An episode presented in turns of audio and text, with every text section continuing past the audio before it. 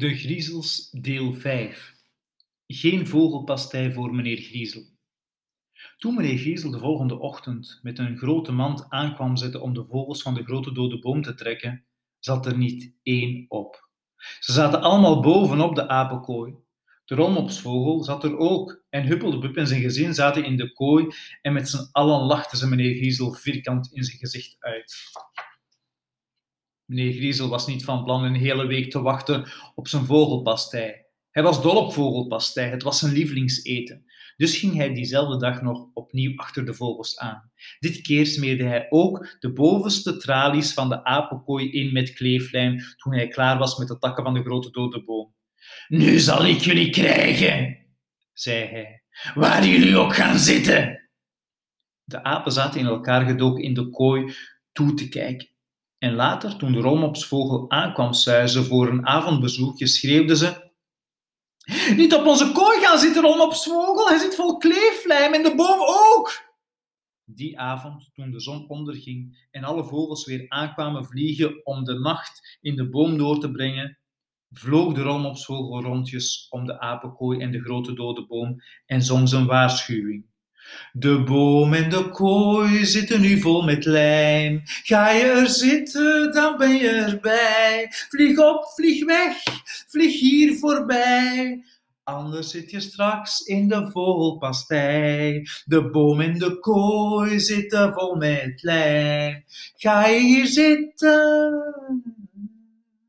Toen meneer Griezel de volgende ochtend met zijn reuzenmand naar buiten kwam, zat er geen enkele vogel op de apenkooi en ook niet op de grote dode boom. Ze zaten allemaal heel gezellig op het dak van het huis. De rolmopsvogel zat er ook. En de apen zaten in de kooi en met z'n allen lachten ze zich te barsten om het gezicht van meneer Griezel. Het lachen zal jullie nog wel vergaan, zei meneer Griezel tegen de vogels. Ik krijg jullie nog wel, jullie vlerkerig vliegend tuig. Ik zal jullie allemaal stuk voor stuk de nek omdraaien en in de pan hakken voor de vogelpastei. En wel vandaag nog! Hoe dan? vroeg mevrouw Griezel, die naar buiten was gekomen om te zien wat al dat lawaai te betekenen had. Als je het maar uit je hoofd laat het hele dak van ons huis vol kleeflijm te smeren. Meneer Griezel ging vlak bij mevrouw Griezel staan en fluisterde ze zo zachtjes dat de apen en ook de vogels het niet konden horen. Ik heb een pracht idee, zei hij. We gaan nu meteen de stad in en kopen voor ons allebei een geweer. Wat vind je ervan? Prima, riep mevrouw Griezel en grijnsde haar lange gele tanden bloot. Dan kopen we van die hele wel vijftig kogels tegelijk kunnen wegschieten. Precies, zei meneer Griezel. Doe jij vast de deur op slot. Dan kijk ik of de apen wel goed opgeborgen zitten. Meneer Griezel ging naar de apenkooi. Opgelet! blafte hij met zijn angstaanjagende apentemmerstem. Ondersteboven, jullie allemaal, en vlug een beetje. Op elkaar! Of jullie zullen de stok van mevrouw Griezel op jullie ruggetjes voelen. Gehoorzaam stonden de arme apen op hun handen en klommen bovenop elkaar met Huppel de Pup onderaan en de kleinste apen bovenop. En zo blijven jullie, tot we terugkomen, beval meneer Griezel. Waag het niet, één vin te verroeren en niet omvallen. Als we over een uur of twee, drie terugkomen, wil ik jullie nog in precies dezelfde houding zien staan. Begrepen? En met die woorden stapte meneer Griezel weg. Mevrouw Griezel ging met hem mee en de apen bleven alleen achter met de vogels. De griezels waren nog niet uit het gezicht verdwenen of de apen sprongen weer op hun voeten met de goede kant naar boven. Vlug, pak de sleutel! Riep Huppel de Pup naar de rolmopsvogel die nog op het dak van het huis zat.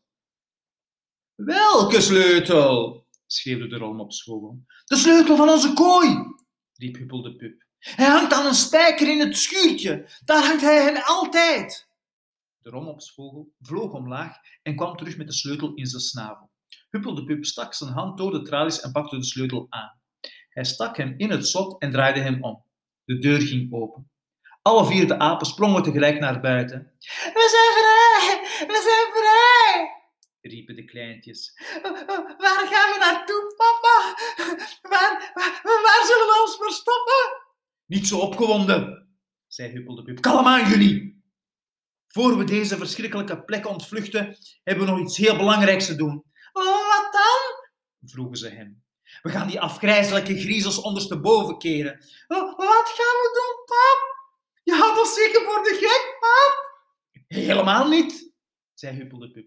We gaan meneer Griezel en mevrouw Griezel allebei ondersteboven keren, met hun benen in de lucht. Doe niet zo mal, man, zei de rolmopsvogel. Hoe kunnen wij die vermolmde oude monsters nou ondersteboven keren? En of we dat kunnen, riep Huppel de Pup. We gaan ze uren en uren lang op hun kop laten staan, misschien wel voor goed. Dan kunnen zij voor de verandering eens voelen hoe het is. Maar hoe dan? vroeg de rolmopsvogel. Nou, zeg op, hoe dan?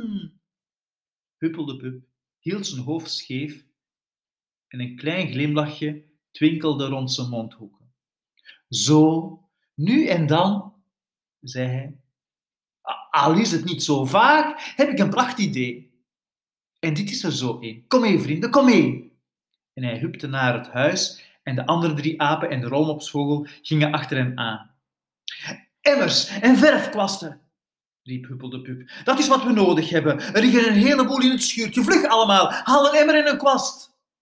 In het schuurtje van meneer Griezel stond een enorme vat met muurvast kleeflijm. Het spul waarmee hij vogels ving. Emmers vullen, beval Huppel de Pup. En nu op naar het grote huis.